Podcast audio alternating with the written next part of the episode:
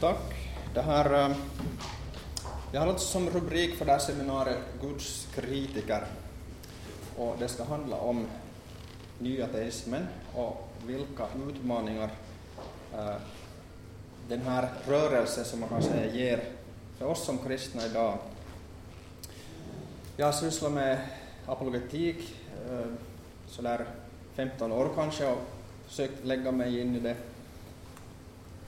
så, så mycket jag kan. Och, och nu har jag alltså under sommaren försökt äh, fundera över det här med nyateismen, att vad, vad är det frågan om egentligen?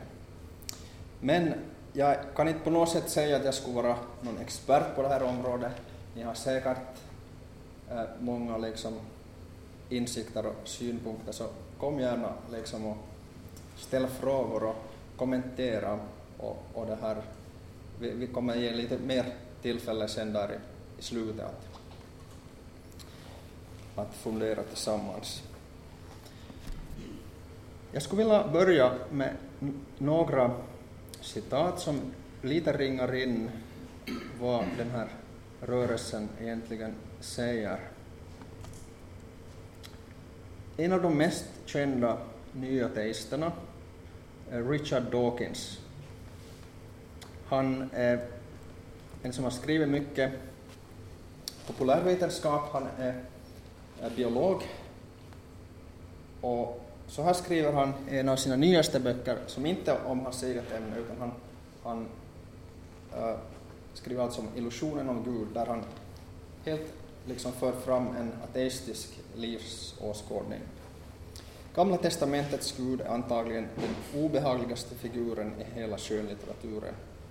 Avundsjuk och stolt över det, en småsint, orättvis, hårdhjärtad maktmänniska.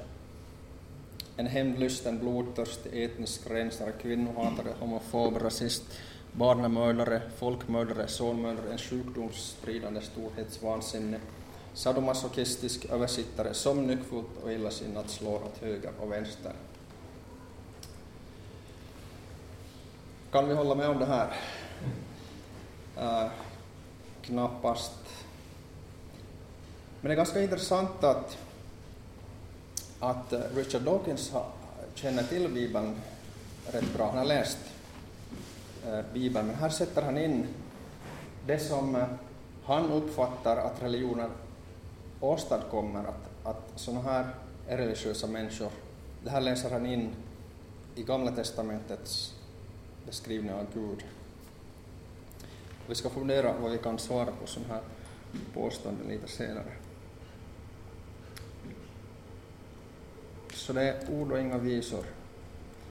Sam Harris, en annan uh, nu har jag den här under den lite tunnare bok, Sam Harris, en amerikansk författare, skriver så här, ingenting står mer i vägen för kritiskt tänkande och intellektuell hederlighet än respekten vi hyser för religiös tro. Och här vill jag liksom fästa uppmärksamhet vid den här respekten. Han vill inte att det ska finnas någon respekt för religion överhuvudtaget. Och det är också en ganska typisk sak hos en nya tester. Så finns det en svensk, Christer Sturmark, som också brukar räknas till den här rörelsen. Han skriver så här i sin bok eh, Tro och vetande eh, 2.0. Eh, Människor som har en religiös tro ska ha full frihet att uttrycka sin tro i den privata sfären, men den får inte kränka andras rättigheter, det vill säga rättigheter att inte ha en religion religion är en privatsak. Och det är min kursivering.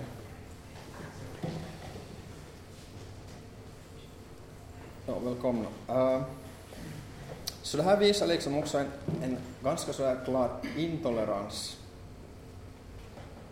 Man har full frihet att uttrycka sin tro i den privata sfären, men han uttryckte på andra ställen ganska klart att han vill att det ska finnas så lite som möjligt i, i det offentliga i samhället. En definition som man skulle kunna ge på den nya teismen är att den är en starkt religionskritisk ateistisk rörelse som har startat på 2000-talet. Och den är en rörelse i kölvattnet av fyr, främst fyra författare. Richard Dawkins som vi har nämnt, eh, Daniel Dennett, Sam Harris och Christopher Hitchens, en eh, engelsk journalist. Och ibland nämns också ett par andra, Victor Stenger, Michel Onfray, eller hur man uttalar en fransman, ett par andra. Men vi ska också se lite här hos oss. Eh, Finland, Sverige. Sverige alltså så representerar, representeras den här rörelsen av humanisterna som, som då vill liksom bygga eh, en livsåskådning på en helt ateistisk världsbild. Och ordförande var Christer Sturmark. I Finland så brukar man nämna fritänkarna Vapa Ajattelijat. Eh, och de här har jag inte läst så mycket, bara lite på nätet. Eh, och, och det, här, det som jag vågar säga att det är i någon mån påverkad av den här nya testiska rörelsen och, och de här, eh, man ser likheter i, i deras tänkande och, och det som de försöker uppnå. Sen är det ju ganska intressant att det finns flera sådana här ateistiska organisationer.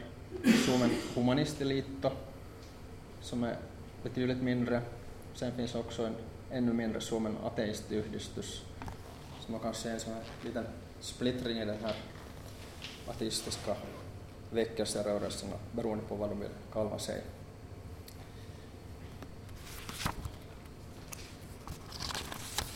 Uh, ibland så nämns också eh, filosofen Ilkka Niiniluoto och astronomen Esko Valtaoja, men de här har jag inte så stort det här koll, koll på.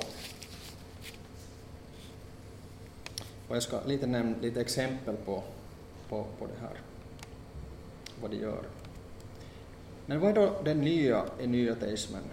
För det första kan man säga att de är radikalare än tidigare generationers ateister. Uh, ateismen som rörelse kan man säga att den startade på 1700-talet i samband med upplysningen, upplysningsfilosoferna. Och, men eh, det som man kan säga att 1800 och 1900-tals Eh, ateisterna så såg överlag det här att, att vi har förlorat tron på Gud. Det såg de som en tragisk förlust.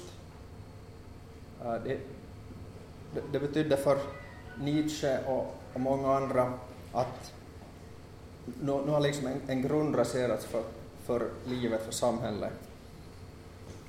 Men nya däremot så ser det här som någonting värt att fira.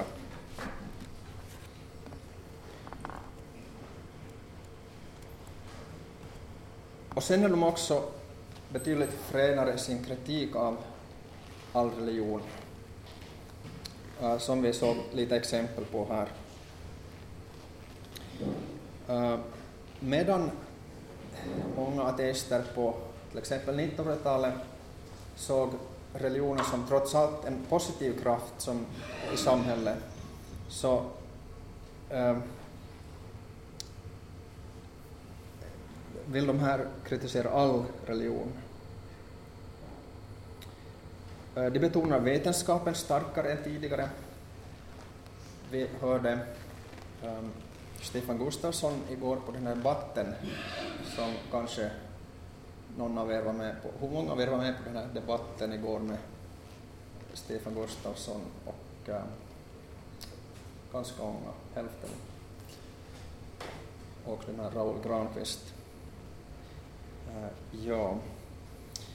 Han, han nämnde då där eh, om den scientismen som det kallas, alltså att man bara tror på det som vetenskapen har bevisat. Men själva det påståendet, att man bara tror på det som vetenskapen har bevisat, det kan inte bevisas med vetenskapen. Alltså är det liksom ett självmotsägande påstående. Äh, man måste liksom överge det enligt sin egen princip.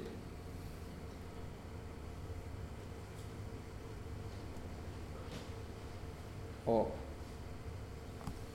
som sagt, också liberala och moderata former av religiös tro så vill de här liksom bli av med. För det, till exempel Dawkins så säger att moderat liberal religion som ger legitimitet åt det han kallar fundamentalistiska kristna och inbjuder till extremism. Och som sagt, Christer Sturmark så har i en debatt hävdat att religion inte hör hemma i det offentliga rummet utan bör enbart vara en privat sak. Och det här är ju ganska anmärkningsvärt, eh, att man liksom går så här långt i den här intoleransen. Kan hända att han har, han har liksom övergett det här, men det här han åtminstone tidigare sagt.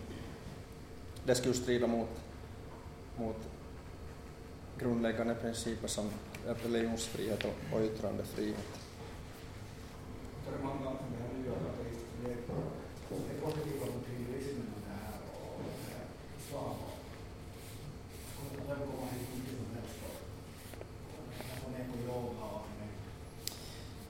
Ja, här vågar inte jag uttala mig annat än Richard Dawkins, att han igen så, så, så det här är, är starkt kritisk till, till islam bland annat också.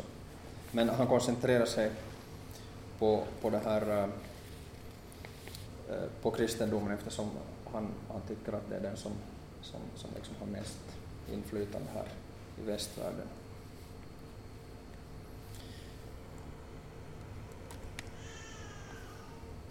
Och sen en följd av det här blir då också att ifrågasätta föräldrars rätt att fostra sina barn enligt den livsåskådning som föräldrarna har. Eftersom de vill uppnå uh, ett så religionsfritt samhälle som möjligt. Men här har vi också det här med, med att, att eh, uh, FNs deklaration om mänskliga rättigheter så, så, så, så det här ger ju tydligt stöd för det här att, att det hör ju, hör ju till föräldrars naturliga rätt att förstås att äh, förmedla sin livsåskådning.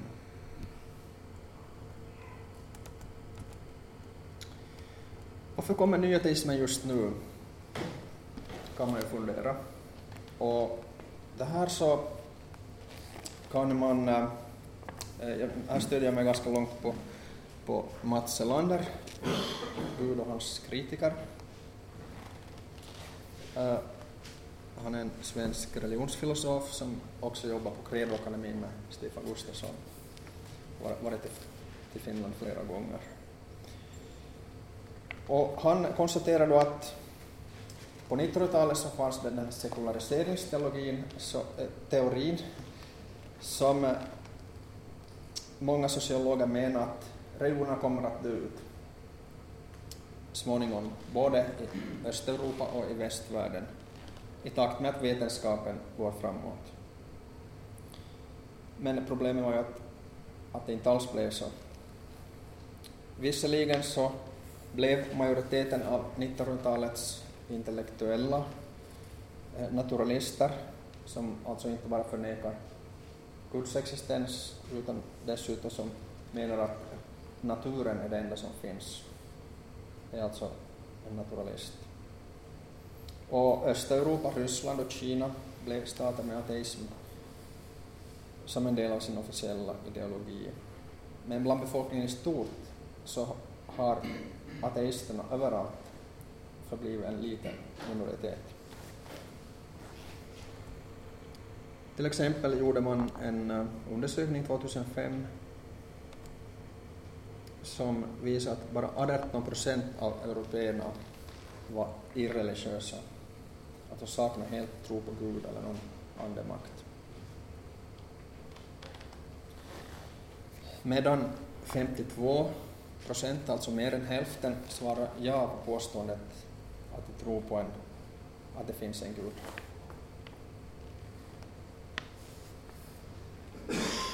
Och det här betyder förstås inte att de är kristna, men att de tror på en, en uh, Gud. Och i USA igen, där vetens, som, som är en av liksom ledande länderna inom vetenskap, så är 83 procent religiösa enligt den här uh, uh, definitionen och endast 1,6 procent kallar sig själv ateist. Så det är nog ett, ett väldigt misslyckande för den här teorin som man då på 90-talet trodde på. Om vi igen ser till andra delar, Afrika, Asien, Latinamerika, trots de framsteg som man har gjort där inom teknologi och vetenskap och levnadsstandard och så vidare, så har man inte alls sett någon minskning, utan tvärtom en stark kristen väckelse som pågår just nu i de här länderna.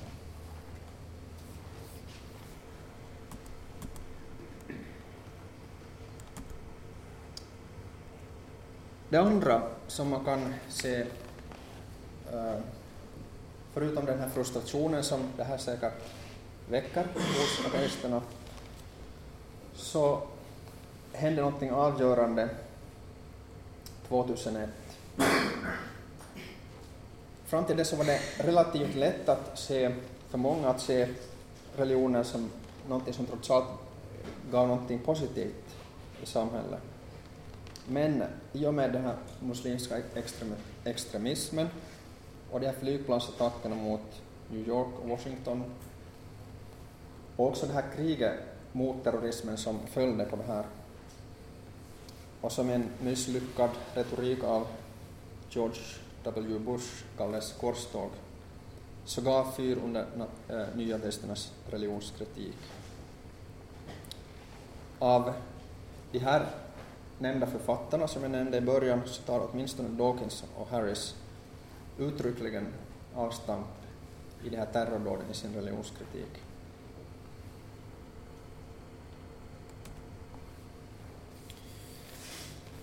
För det tredje så nämner Selander också andra möjliga orsaker till den här rörelsen, de evangelikala kristnas inflytande i den amerikanska politiken, där de har ett stort inflytande. Intelligent designrörelsen, som då på helt vetenskapliga premisser vill uh, studera om det finns Eh, design i eh, naturen. Och eh, den rörelsen har liksom då haft framgångar både i USA och Europa. Och det här kan också vara något som irriterar därför att det skulle undergräva själva grunden för ateismen, nämligen vetenskapen, som de motiverade med. Och sen också kan man peka på den här renässansen för akademisk kristen filosofi som en möjlig orsak eh, därför att det finns eh, många väldigt skärpta, skärpta kristna filosofer som Alvin Platinga, William Lane Craig, som med sina argument har tvingat fram en ny och levande diskussion om de här klassiska frågorna om Guds existens och kristendomens kunskapsanspråk. Och allt det här så kan ha äh, medverkat till nya, nya testernas aktivism.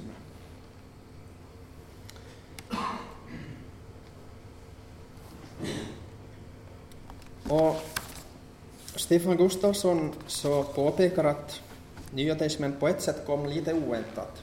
Därför att eh, man har ju länge talat om att, att vi har levt i den moderna världen, nu kommer vi till det postmoderna. Men nya teismen är inte postmodern, utan den är modern. Och det gör också att vi har som kristna saker gemensamt med nya teismen. Uh, eh, till exempel så avvisar man också nyandligheten sådär generellt. Det kan finnas olika, äh, säkert bland, bland olika, men, men till exempel Dawkins och kanske speciellt Sturmark så betonar det här att, att de vill liksom ha bort all äh, sån här vidskepelse som de ser det inom nyandligheten. Uh, vi tror ju också som kristna att vetenskap är bra, att filosofi, eh, förnuft kan vara viktigt och, och det här eh, hjälpa oss. Bibeln ger ju uppmaningen att vi ska eh, bruka och vårda, råda över jorden och att vi ska älska Herren vår Gud av hela vårt hjärta och med hela vår själ och med hela vårt förstånd. Och samtidigt så finns det förstås då många saker som vi inte håller med och som vi måste kritisera. Och det här kan du då ge upphov till en, en bra diskussion, en meningsfull dialog. Uh, innan vi går till, till de här konkreta påståendena och vad vi, ska, vad vi kan svara på dem, så ska vi se lite på, ännu på inflytandet som de har i Finland. Kommunisterna i Sverige har 5200 medlemmar. Fritänkarna i Finland, som är den största organisation. här, har 1700 medlemmar. Så man kan ju inte säga att det är väldigt stora skaror. Det är mindre än många av de här minsta frikyrkorna. Uh, och den här nya teistiska rörelsen så är främst några författare högljudda som arbetar för den här ateismen, gudlösheten. Däremot så håller jag inte riktigt med Per Evert äh, i den här Gudons kritiker när han säger att, att, äh, att det inte är en folkrörelse. Äh, jag skulle säga att i må, någon mån så måste det vara det äh, eftersom de irreligiösa, de som säger att de inte tror på någon gud eller andemakt alls, alltså i praktiken ateister, de är 34 procent i Sverige och 22 procent i Finland enligt Eurobarometern 2010. Så det här bör vi vara medvetna om att eh, så här pass många är det idag som, som inte tror på Gud eller inte heller någonting någon högre makt. Och sen kan man ju också konstatera att det är väldigt många som läser de här nya testiska författarnas böcker och sympatiserar med dem. Dawkins bok speciellt har gått ut i miljonupplagor. Och när man eh, läser insändarspalter, man läser eh, Facebook, sociala medier, eh, ibland också hör, eh, jag vet inte vad ni rör er men, men, men så hör man de här samma påståendena som finns inom nya decimer. Och, och det upprepas gång på gång trots att de här påståendena redan har motsagts och kritiserats också av, av, av andra ateister. Alltså.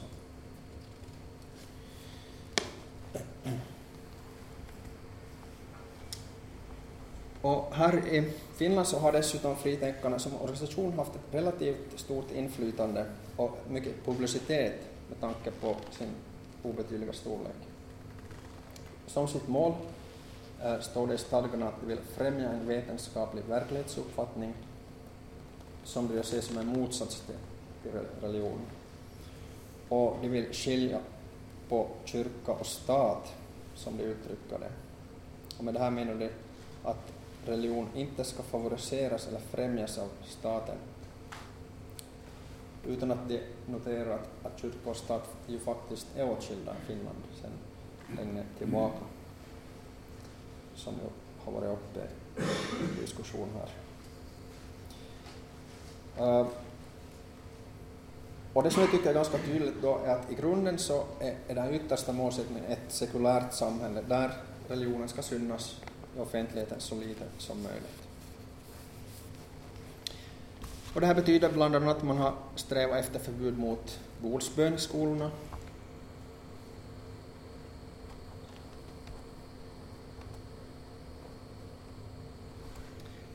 Vilket inte har lyckats hittills.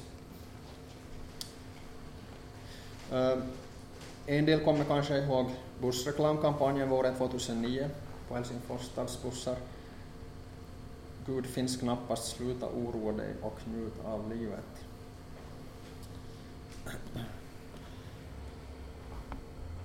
En kampanj som trafikverken i Tammerfors och Åbo vägrade att gå med på med hänvisning till god sed. Uh, mest motstånd så väckte troligen en kampanj som Helsingfors lokala fritänkarförening gjorde 2010 som gick ut på att människor uppmanas att komma med sina biblar och religiösa litteratur och byta ut den mot pornografi. Och det här så var det nog också många ateister som tog avstånd från. Till exempel Väestöliitto som annars brukar ha en sån här ganska liberal syn så uttryckt klart och tydligt att pornografi är skadligt. Uh, Fritänkarnas klart mest framgångsrika kampanj som pågår än idag är utan tvivel den webbplatsen eroakirkosta.fi som strävar till att minska den evangelisk-lutherska kyrkans inflytande i samhället och på det sättet också kristendomens inflytande. Och genom den webbplatsen som startades för tio år sedan, 2003, så har över 370 000 finländare skrivit ur sig ur kyrkan.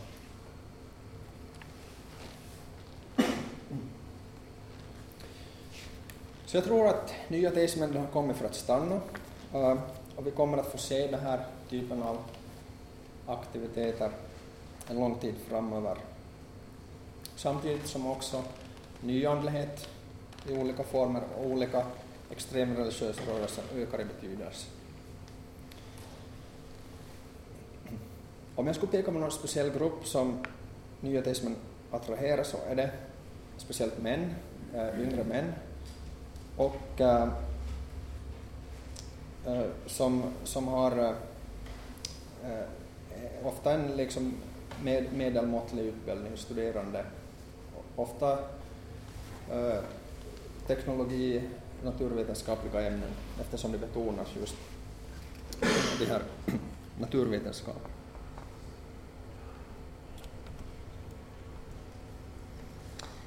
Uh, och därför tror jag så att det är viktigt för oss som kristna att någorlunda känna till vad eh, den här nya testikarrörelsen går ut på så att vi är beredda att svara när vi möter det här till exempel i insändare, eh, sociala medier och kring kaffeborden.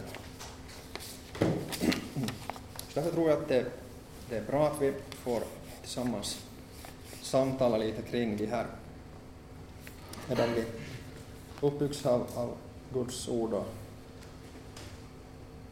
och vår kristna gemenskap. Eftersom Richard Dawkins är den som har internationellt fått mest publicitet så kommer jag osakligen att koncentrera mig på, på honom. Och så här skriver han på ett ställe. Att tro på Gud är som att tro på tomten.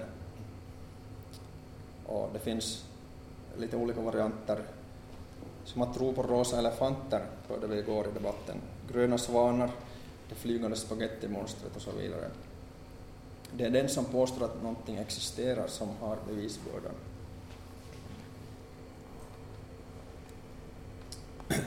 Det här är förstås retorik och tyvärr ganska effektiv. Och det är samtidigt ganska lätt att påvisa bristerna i det här påståendet. Det här är ett försök att rika diskussionen på förhand till, till ateistens fördel. Uh, för ateismen är ju inte detsamma som avsaknad av tro. Ateismen eh, innebär ju ett påstående om verkligheten. Ateism, ingen Gud. Det finns troligen ingen Gud, svarar ateismen på frågan om det finns en Gud. Och nu är det ju många ateister som inser att, att det är väldigt svårt att säga absolut att det inte finns någon Gud. För då måste man känna till allt, hela verkligheten. Som att säga att det finns inte någon svamp i skogen. Då måste man känna till hela skogen. Så därför sätter de till det här troligen där. Så de, de liksom backar ett steg. Uh, medan uh, den som uh, är teist så gör ett påstående om verkligheten, ja, det finns troligen en gud. Eller, det finns en gud. En del säger att de vet att det finns en gud. Um, och alla som i en diskussion gör ett påstående om verkligheten så, så behöver ju ge ett skäl för det här påståendet om de vill att andra också ska tro på det, eller hur? Den enda som möjligen eh, klarar sig utan bevisbörda så är det ju agnostikern, alltså den som eh, inte tar ställning, som säger helt enkelt ”jag vet inte”. Men eftersom eh, det finns intellektuella vuxna i alla de här tre grupperna så behöver både ateister och teister argumentera för, för sitt ställningstagande åt det ena eller det andra hållet. Och bevisbördan är alltså delad, eh, vilket också Mats Selander argumenterar eh, tydliga för, för grundligare för i sin bok. Teister bör argumentera för eh, tron att Gud finns och att ateister bör argumentera för sin ståndpunkt. Och efter att man noggrant har utvärderat de här argumenten så är det sedan, sedan upp till var och en att följa spåren dit de pekar. Så det här är ett sätt att svara på det här påståendet. Och då kan det visa sig att, att det är ateisten som, som inte har några argument att komma med för sin uppfattning. Det är bara något som man har bestämt sig för, att det här är nu min uppfattning. En på, på sitt sätt dogmatisk tro. Att universum är så här, det är bara materia, energi, en låda, det finns ingenting utanför den lådan. Uh, den kristna matematikprofessorn John Lennox, som har ett kort standardsvar som han eh, äh, använde när han hörde argumentet. Har du någonsin hört om någon som i vuxen ålder kommer till tro på tomten? Det får ganska bra in det här, vad det är frågan om.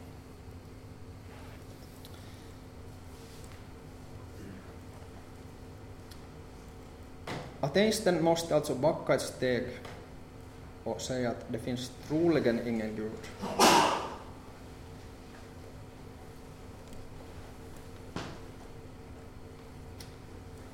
Eh, men som Richard Dawkins i den här kampanjen på Londons bussar, there's probably no God. Now stop worrying och så vidare. Men det är lite problematiskt. Vad skulle du säga om ett sånt här flygplan? Probably safe to fly.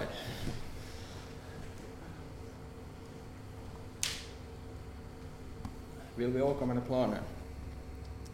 Eller vill vi välja det gudstromhetsplan? Uh, eh, det här brukar man kalla Pascals våg. Vad har vi att vinna och att förlora om vi väljer det ena eller det andra alternativet? Om vi satsar på ateismen eller om vi satsar på att Gud finns. Uh, alltså det handlar om en evighetsfråga. Och, och vad har vi att förlora om vi väljer Gud? Och att förlora om vi väljer bort Gud, evigheten. Och det här är förstås inte ett argument för att Gud finns, uh, men uh, det är ett argument för att det lönar sig att bekanta sig uh, med de här argumenten. Uh, har du någon fråga? Jag inte avbryta, men jag tänkte också ja. angående, jag är lite osäker på det där, eller jag vet inte om jag förstår riktigt det där argumentet att om man säger att man inte tror på Gud så måste man ge ett argument osäker på det där argumentet. Att om man tar ett annat exempel som inte är lika svartvitt som rosa elefanter, till exempel aliens, och tron på aliens. Ja. Måste jag som inte tror på aliens argumentera för det, eller kan jag bara... Jag vet inte om jag kan argumentera för min ståndpunkt att aliens, aliens inte finns, på samma sätt som jag i så fall kräver av en ateist att sina argument. Just det, man, man jämför med att, att tro på utomjordingar ja. någonstans i rymden. Ja. Uh, alltså jag förstår inte ja. riktigt det där att, att på ett sätt så verkar det mer vettigt att en som inte tror inte behöver argumentera för sin ståndpunkt mm. eftersom att det, om man tar det från en neutral Ja, men äh, då är, tycker jag att äh, det, det, det, blir lite samma som det här med, med tomten, alltså vi har, vi har vissa förhandskunskaper om, om, om det här, hur världen ser ut, hur rymden ser ut, som gör att det blir mer osannolikt att, att det finns utomjordingar. Alltså det, att det finns liv på jorden så är väldigt liten sannolikhet.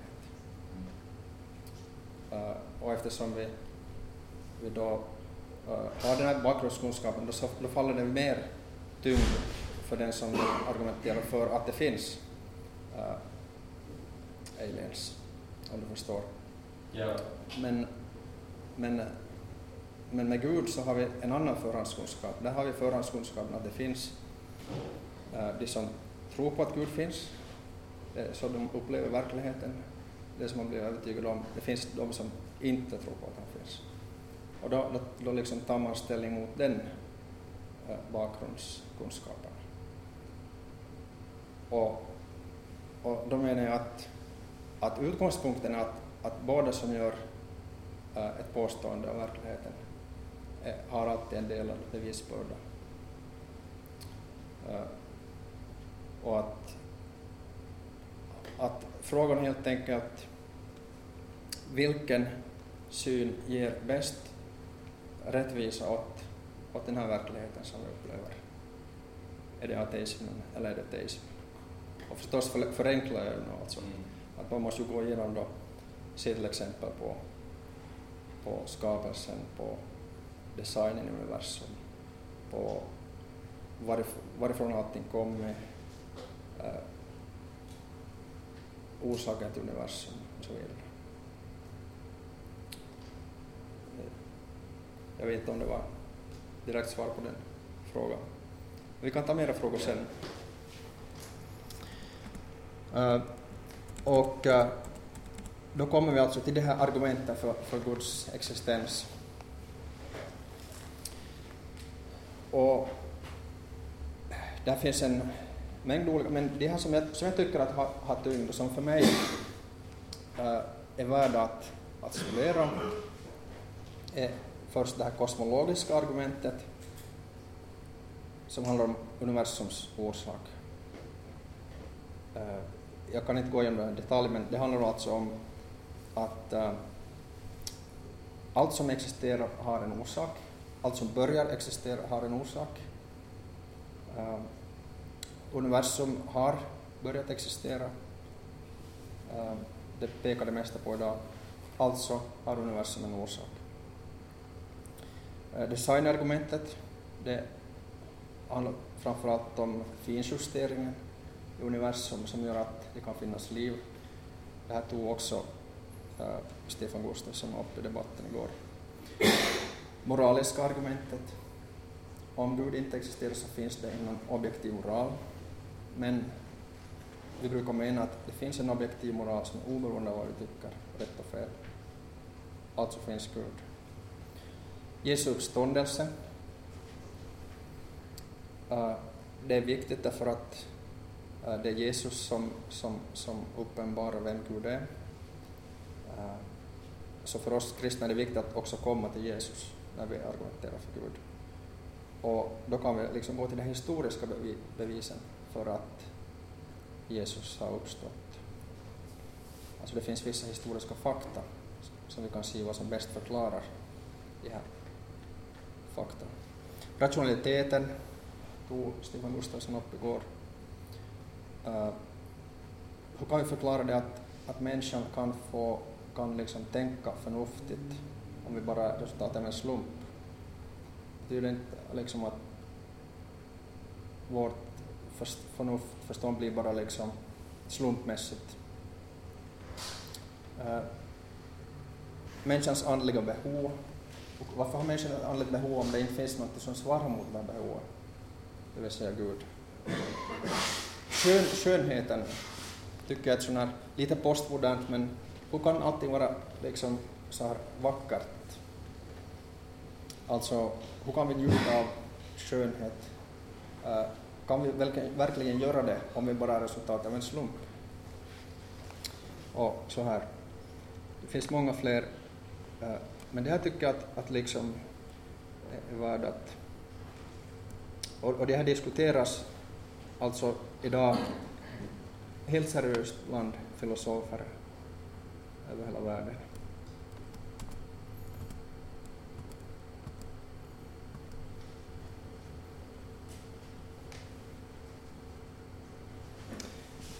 Så här säger Dawkins på ett annat ställe, du är också ateist när det gäller Zeus, Apollon, Ra, Mitras, Baal, Tor, Oden, Guldkalven och flygande spagettimonstret som ett populärt sån här exempel som figurerar på, på internet.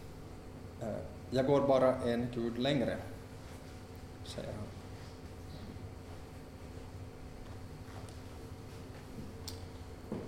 Vad säger vi om det här? Uh, Äh, jag skulle säga att, att det är ett retoriskt sidospår som inte eh, liksom behandlar själva den här frågan om Gud finns eller inte. Och så försöker det också hävda att det inte är så stor skillnad mellan en ateist och en teist. Att ateisten är bara liksom lite mer konsekvent för att han också avskaffade den sista eh, guden i sin förnekelse. Men som sagt, det tillför inte någonting i diskussionen.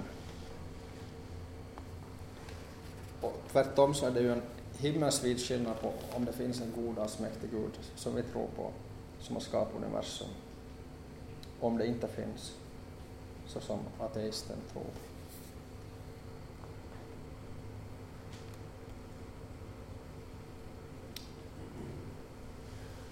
Och, och därför så så, så det här äh, behöver väl kanske påpeka att det finns goda skäl äh, att tro på en sån Gud. Och att det är sen upp till var och en att utvärdera det, de här bevisen för och emot. Personligen skulle jag säga att, att, att man måste ha större tro för att tro på att allting har kommit av sig själv än att tro på en personlig Gud som har skapat universum.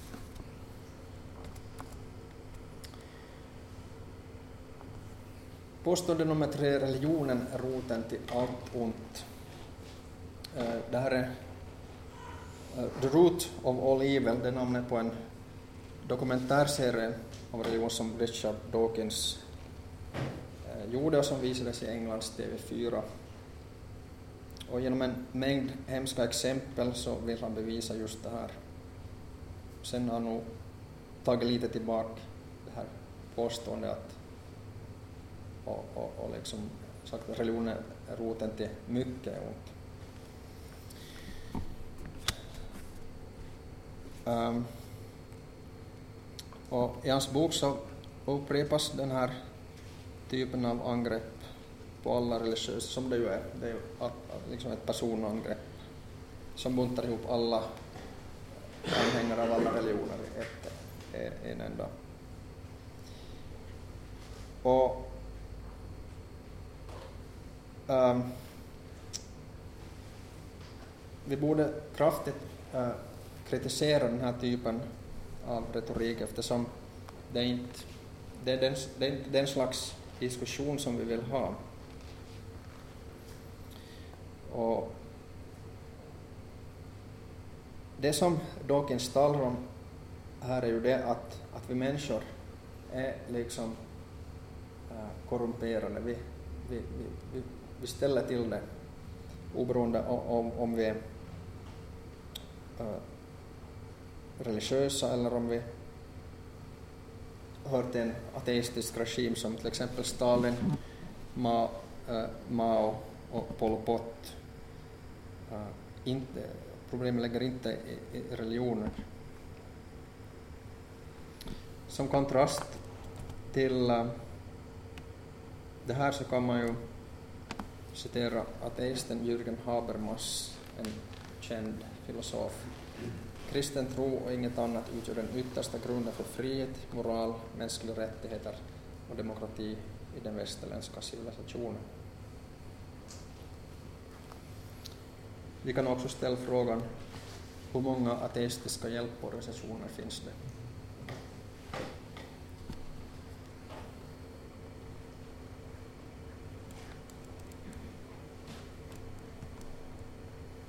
Påstående fyra äh, det var upp på ett annat seminarium, så jag ska försöka att fatta mig kort här. Har inte vetenskapen begravt Gud? Till exempel Peter Atkins påstår att vetenskap och religion är oförenliga.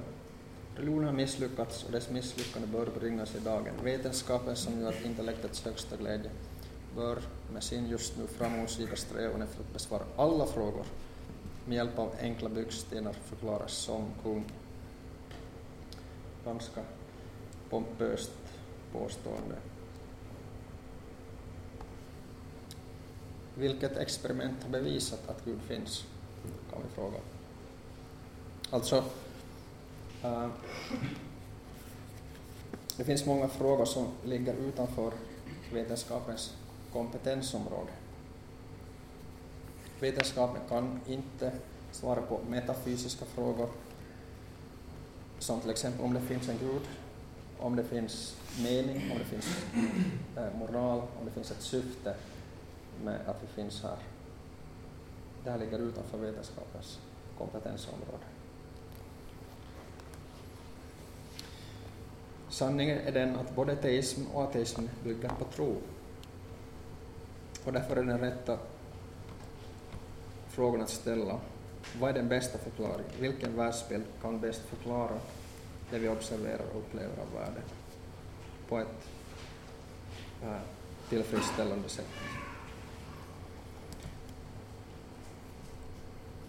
Och så, samtidigt så kan man ju på, påpeka att Dawkins är själv ganska ointresserad av andra vetenskapsskrivaren än det han själv sysslar med, det vill säga biologi. Och han, han liksom visar tydligt i sin bok att han både struntar och vet väldigt lite om till exempel filosofi, religionsvetenskap och teologi.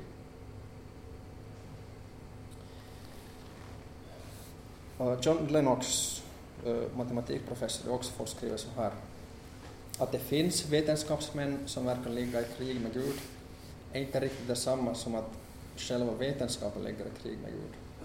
Det finns ju till exempel vissa musiker som är militanta ateister. Men innebär det att musiken ligger i krig med Gud? Vad jag vill säga är detta. Vad vetenskapsmännen säger är inte nödvändigtvis detsamma som vad vetenskapen säger. Dessa uttalanden är inga vetenskapliga uttalanden utan snarare uttryck för deras personliga övertygelse eller rent av tro. Men det här är ju det som speciellt medierna ofta använder, det låter olika forskare uttala sig om det ena och det andra.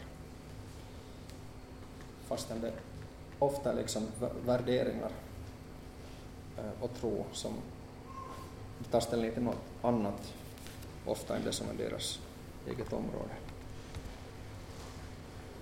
Sen kan vi också säga att den här konfliktmodellen mellan vetenskap och kristen tro som äh, den här Atkins här nämner, så den äh, håller inte närmare granskning. Alltså det här är en, en myt, en modern myt som äh, har uppstått äh, relativt nyligen äh, som ofta, ofta har det använts i den här Eh, äh, skapelse evolution-debatten, att kyrkan har liksom undertryckt vetenskap. Att, att religion och vetenskap är i konflikt. Men till det så kan vi säga till exempel att Galileo Galilei, som man ofta lyfter fram som exempel, han var ju själv kristen. Och i själva verket så spelar en kristen tro en avgörande roll för uppkomsten av modern vetenskap i Europa.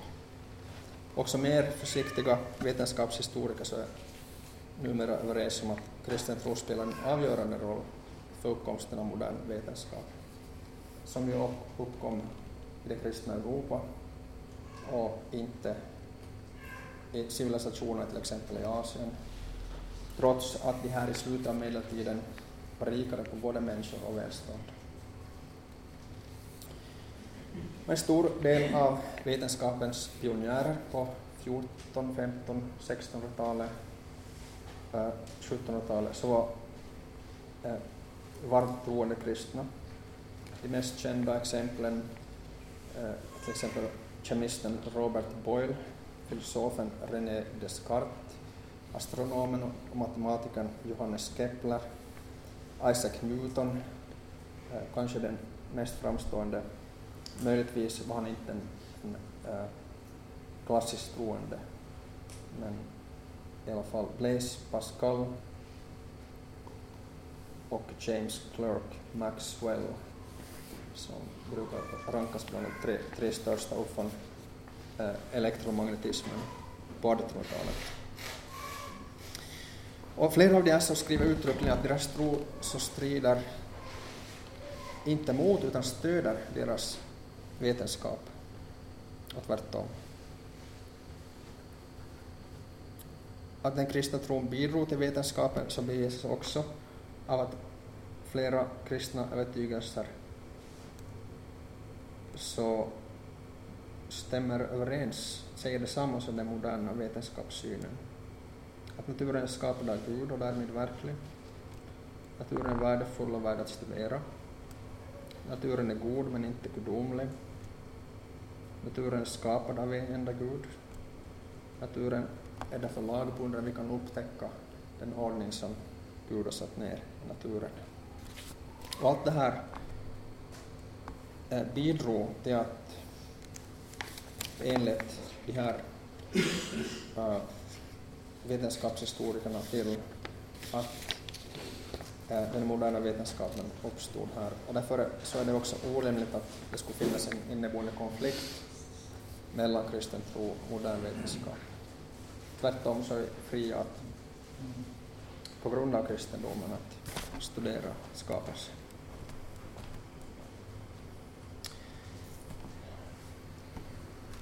Vi börjar närma oss eh, det sista påståendet som jag kommer att ta upp här. Doki skriver så här, det går att vara en glad, balanserad, moraliskt oförvitlig och intellektuellt tillfredsställd artist.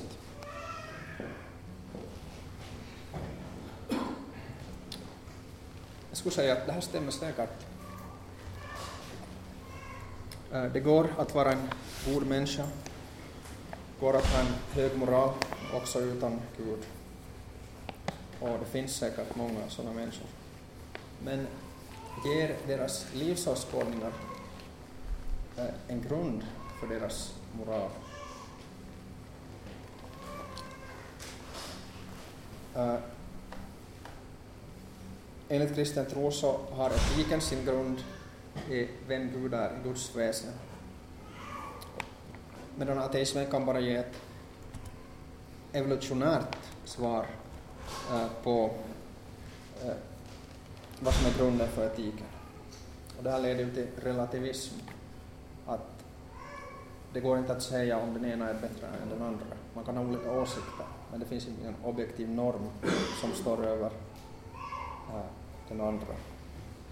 Till exempel så erkänner ateisterna ofta att människovärdet, det är inte någonting som finns inneboende i oss, utan det är bara någonting som vi har kommit överens om i de mänskliga rättigheterna.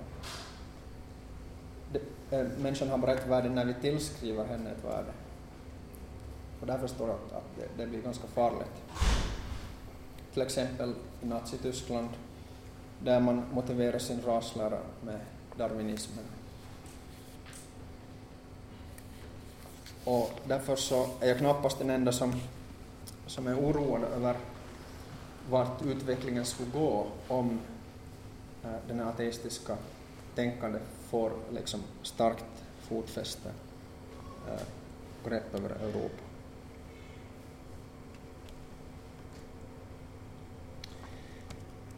Äh, det finns mycket man skulle kunna tillägga om den här synen på människan. Uh,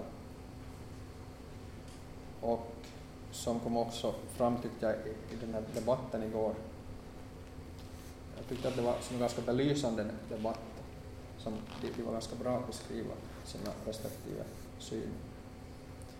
Och, och det här.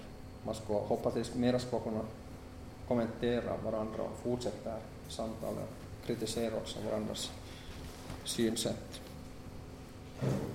Men det kan ju hända att vi som är här uh, stöter på de här påståendena skulle säga att det är ganska sannolikt.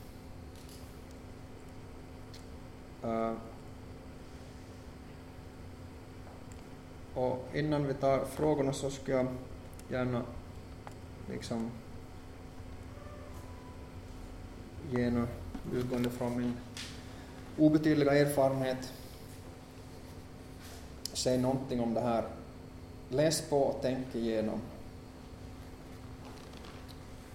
Jag tror inte att man behöver vara liksom världens smartaste eller, eller liksom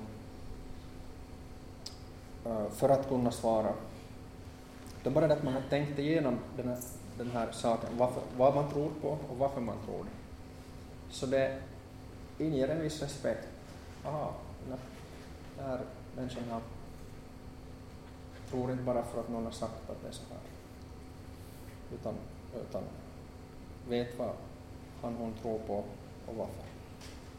Ibland så har man inte ett svar genast, så kan man be om lite tid att får jag fundera på det till imorgon, eller tills vi träffas nästa gång, innan man svarar.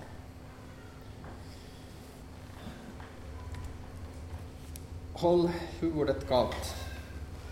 Uh, när man får sådana här liksom, personangrepp och sådana här fula påståenden så, så är det ju lätt att bli upprörd. Och man eh, kan behöva påpeka att man blir orättvist behandlad i en diskussion. Men som allmän regel så kan man nog säga att den som blir arg eller upprörd så, så brukar förlora en diskussion eh, och kanske också sin diskussionspartner. Och det är ju det viktigaste, att vi kan liksom, eh, ha en god relation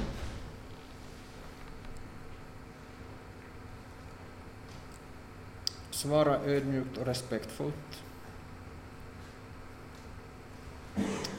En del säger att man ska svara med, med samma mynt på elaka påhopp. Men äh, jag skulle säga att man ska vara försiktig med det.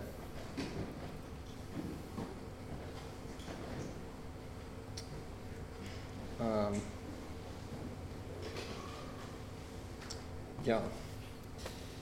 Och jag ska fortsätta lite på den här råden sen, men har ni, har ni liksom några frågor till det här som jag har sagt eller tankar? Har ni egna erfarenheter? Någonting som ni kommer att tänka? Det ateister, finns just i Finland idag som, som vill tro någonting, men de kallar inte sig inte. Det är mycket som inte vill, en som är och inte har kristen begravning och så, vidare. Finns Ja, ja det är viktigt att påpeka att, äh, att det finns, det finns då de som inte kallar sig ateister men, men, men liksom ändå inte är troende eller kristna förstås. Och, och det här. Så det här, det här är ju inte, jag har jag har inte beskrivit hela bilden förstås utan ja, ja det, det, det är väl ungefär ligger kring 90 procent som, som dör på barnen. Vi kan ju inte utgå från att alla de skulle vara troende kristna. Men äh, vi kan hoppas att, att Det blir det. ja, där, ja, där är det tydligt mer. Ja. Ja, men Ja. Tänk ännu kort om, om min fråga så tänker jag som studerar, varför det verkar som när man talar med, med ateister så, så verkar det som att man faktiskt inte förstår varandra. Alltså, och så ter det sig som att de här frågorna, de här kunskapsfrågorna som, eller det här är kanske en, en sån här frågeställning som var intressant att höra vad du tycker att, att de skulle vara kontextbundna på ett sätt som med egna referensramar och egna premisser. Som att jag måste faktiskt på något sätt räkna med att den här personen jag talar med, för honom så ter jag mig som en som är född bakom ljuset på samma sätt som då jag talar med honom så ter honom sig för mig, alltså han ter sig för mig som född bakom ljuset. Det verkar som att vi talar på något sätt olika språk där vi inte alls kommer till en gemensam grund som där vi förstår. Mm. Det var lite det där jag menar. Kan vi då kräva att de måste kunna argumentera på samma sätt för att vi inte Mm. Det var lite det Okej. Mm. Ja. ja, jag håller helt med att vi har ju olika premisser. Vi, utgår från, från olika saker. Mm. Och jag skulle säga att om vi diskuterar med en som har helt annorlunda utgångspunkter så, så måste vi försöka se att vad har vi gemensamt. Annars är det ju svårt att diskutera. Um, och, och, och, och det är ju liksom det här, uh, en insikt som finns också i det här postmoderna, i, äh, som, som har kommit liksom på sista eh, äh, 50-100 åren, att, äh, att det finns olika världsåskådningar. Alltså man talar mycket om världsbilder, världsåskådningar. Och att, och att jag tror säkert att vi liksom behöver jobba på det att försöka förstå också de andra för att kunna liksom samtala och ha, ha, ha liksom ett meningsfullt samtal och diskussion. Och äh, äh, men samtidigt så, så, så, att, eh, så finns det också det här postmoderna att äh, man, man ser att, att vi har helt olika språk. Det är liksom bara, språk är bara ett språkspel som fungerar inom en gemenskap men inte inom en annan. Och, och, och, och liksom, det har också med det här att göra att man tror inte att det finns någon sanning som går att uppnå. Och, men men där, där, där så, så tycker jag att vi som kristna måste också liksom kritisera det här perspektivet äh, äh, därför att, att vi måste alltid också ställa den sanningsfrågan. Vad, vad är sant? Inte bara vad, vad är, liksom är sant för dig, vad är sant för mig? För att, för att, att det finns någonting som är, som är, som är sant oberoende av, av oss. Eh, och, och där igen tycker jag att det moderna perspektivet har, har liksom mera, mera gemensamt. Så att, att jag tycker att både moderna och postmoderna har, har liksom bra sidor som vi som kristna kan, kan ta vara på. Det här personliga också i det postmoderna, att var, var och en liksom utgår från sin, sin upplevelse, sin, sin världsåskådning, sina premisser. Mm.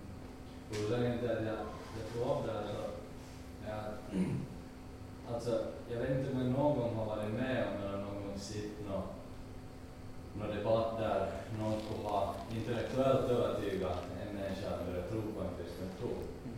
Därmed har jag nog varit Det finns. med. Ja, det finns säkert, men jag har inte varit med.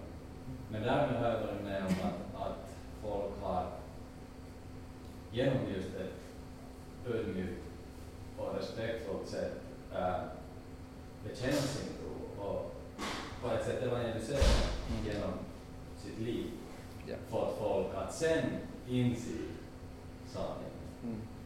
Så alltså det är de här två sidorna ja. jag överväger hos mig själv, att vilket är bästa sättet att, jag vet att det här är, är, är viktigt att föra fram sanningen också som en sanning, ja.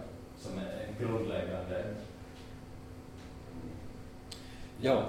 Ja. Men det är de här två sidorna. Precis. Uh, ja, alltså personliga vittnesbördet, det, det liksom uh, kan inte ersättas av apologetiken mm. eller evangelisationen, att berätta evangeliet om Jesus. Det, det, liksom, det, det är inte utbytbara. Mm. Utan, utan jag tror att, att det är liksom en helhet.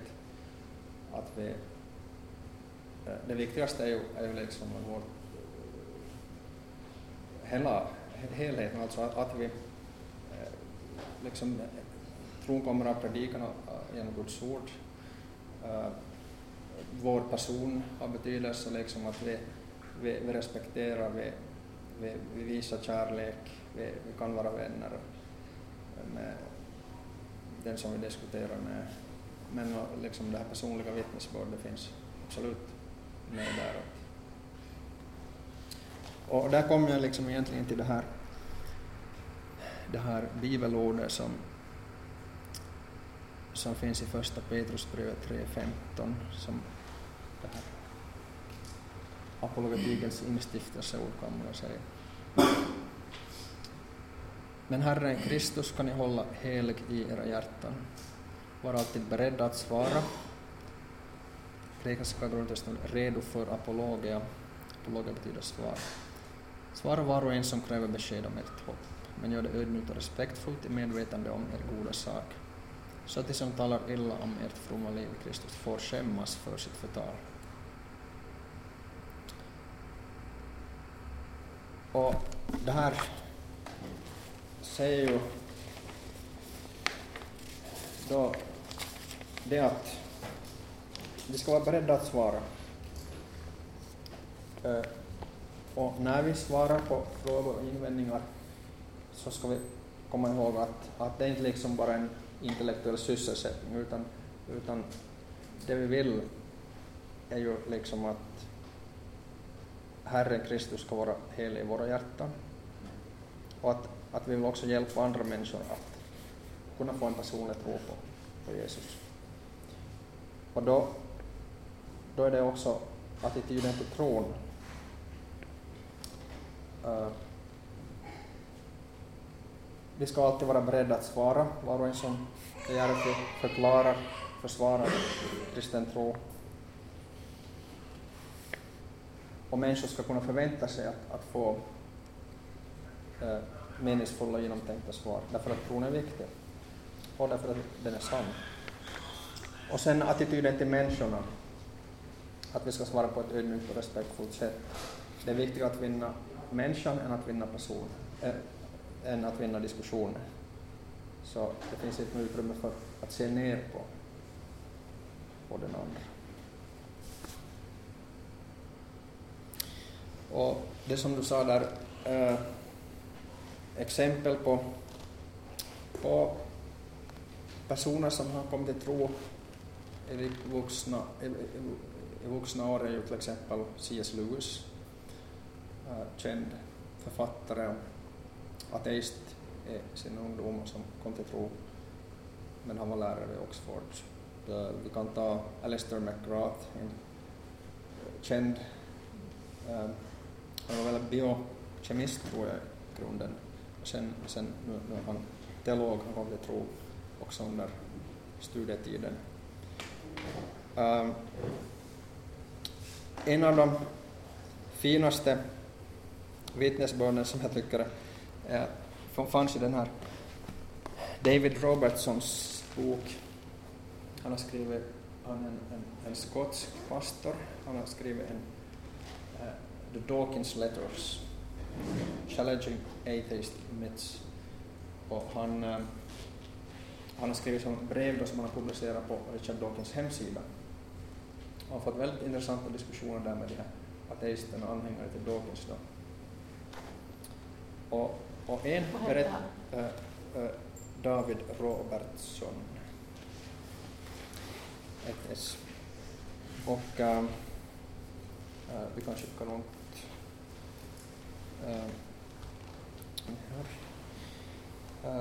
En som berättar där att han, han, han var en ateist som anhängare av Dawkins, han tyckte han hade liksom funnit sitt där, men han var sökare. Eh, och eh, han läste varje inlägg som David Robertson hade skrivit där. Eh, och, och liksom, trots de här elaka påpen som han fick där så, så fortsatte han att tålmodigt argumentera, han citerade bibelord, han önskade dem gott och de, de trodde att han var liksom knäpp eller något. Men han fortsatte och så äh, var det en faktasak som fick honom att börja fundera. Han började tänka på äh, de här honungsbina som ser osynliga ultravioletta landningsplattor som finns på blommor, på vissa blommor, som leder det här biet som det hittar till det här pollenkornet och, och det här nektarn som smakar bra som finns där. Och så insåg han att det faktum att jag inte kan se de här landningsplattorna, det betyder inte att de inte existerar. Och på samma sätt är frågan om Gud, det att han inte kan äh, se honom med, liksom, se honom med sina sinnen, det betyder inte att han inte finns. Han sökte kontakt med kristna och så frågade en av honom, varför tror du inte på Gud? Vad skulle få dig att tro på Gud?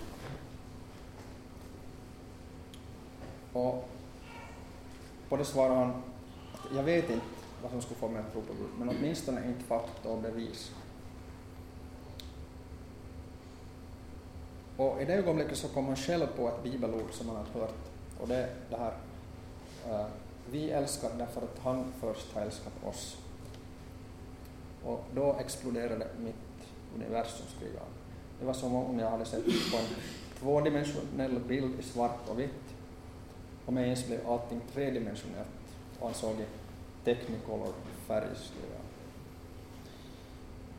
Så som rubrik på den här vittnesbörden har, har han uh, uh, Salvation came through Richard Dawkins, för det var på hans hemsida som han uh, kom till tro genom den diskussionen. Tack vare att den här prästen då i det här fallet fortsatte att komma tillbaka och diskutera med de här. Inte bara att försvara det här argumentet som han hade, utan att också frimodigt lyfta fram Guds ord och, och sitt personliga vittnesbörd. Så skriver han att det är så skönt att vara älskad utan att ha gjort någonting för att ha förtjänat. Det är skönt att få lyfta blicken från forskningslaboratorierna och filosofiböckerna och börja se Guds härlighet. Vetenskap och filosofi är fantastiska uttryck för den mänskliga tankens enorma kapacitet. Men Guds ord är sanning och sanning var det som gjorde mig fri. Min resa i tro har startat.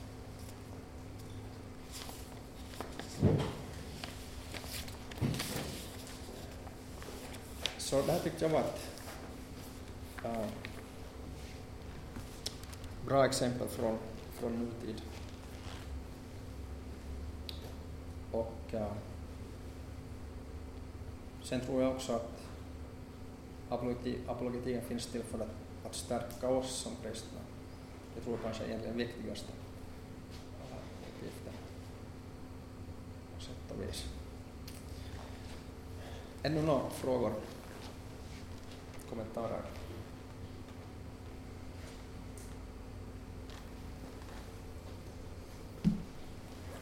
Jag blev nästan själv stärkt av det du sa just med de här, alltså att vetenskapsmän, just med de här värderingarna, att på något sätt har alltid tänkt sådär att om vetenskapsmän nu säger en sak så då, då har de säkert också kanske tagit reda på att det här, att så är det. Jag lär och jag lärare själv ibland då är eleverna kan sitta på några dokumentärer och säga att fast att ja, att jag såg en dokumentär där det sades att Jesus är född i Wales och liksom märkligheter som just ju, säkert är det då de här vetenskapsmännen som, som har, som har, har sådana värderingsuttalanden ja.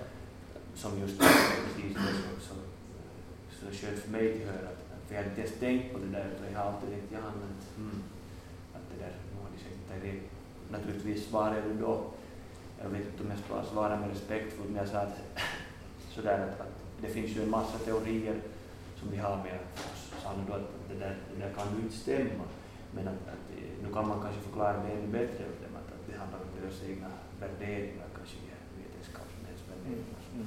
Så det var så där för mig roligt vi hör, hör den där sidan. Enkel sak men som inte nu har tänkt på sådär. Mm. Så. Ja. ja.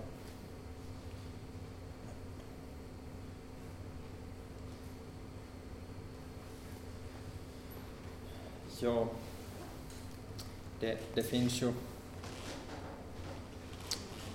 finns ju många, många sådana här situationer som man kan hamna i. Det finns många bra böcker som, som behandlar det här ämnet. Alltså, Stefan Gustafsson, som jag har här, han har skrivit Kristen på goda grunder. Och, och, och de som inte har läst den, så det är nog en av liksom, grundböckerna som jag skulle rekommendera. En som har kommit ganska nyligen är den här William Lane Craigs Till trons försvar, handbok i kristen apologetik. Han har ganska annars sådana liksom väldigt avancerade resonemang, men här har han faktiskt lyckats få dem ner på en uh, ja, förvånansvärt lättförståelig uh, nivå, skulle jag säga. Att, att, det är liksom en liksom medelgymnasieelev hänger ganska bra med i det här tror jag.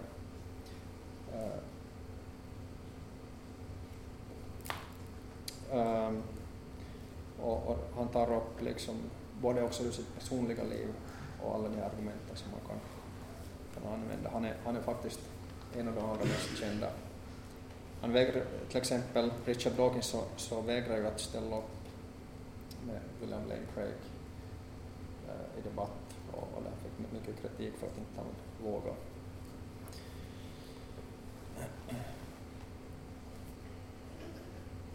Eh, sen finns eh, egentligen hur många som helst. Eh, men, men om inte man eh, så gärna läser så finns det också på Youtube, kan man se de debatterna. Uh, William Lane Craig kan man slå in, John Lennox, uh, Stefan Gustafsson har flera debatter och föreläsningar där eh, och så vidare. Jag tycker att de här ger ganska mycket kött på benen för, för den här apologetiken.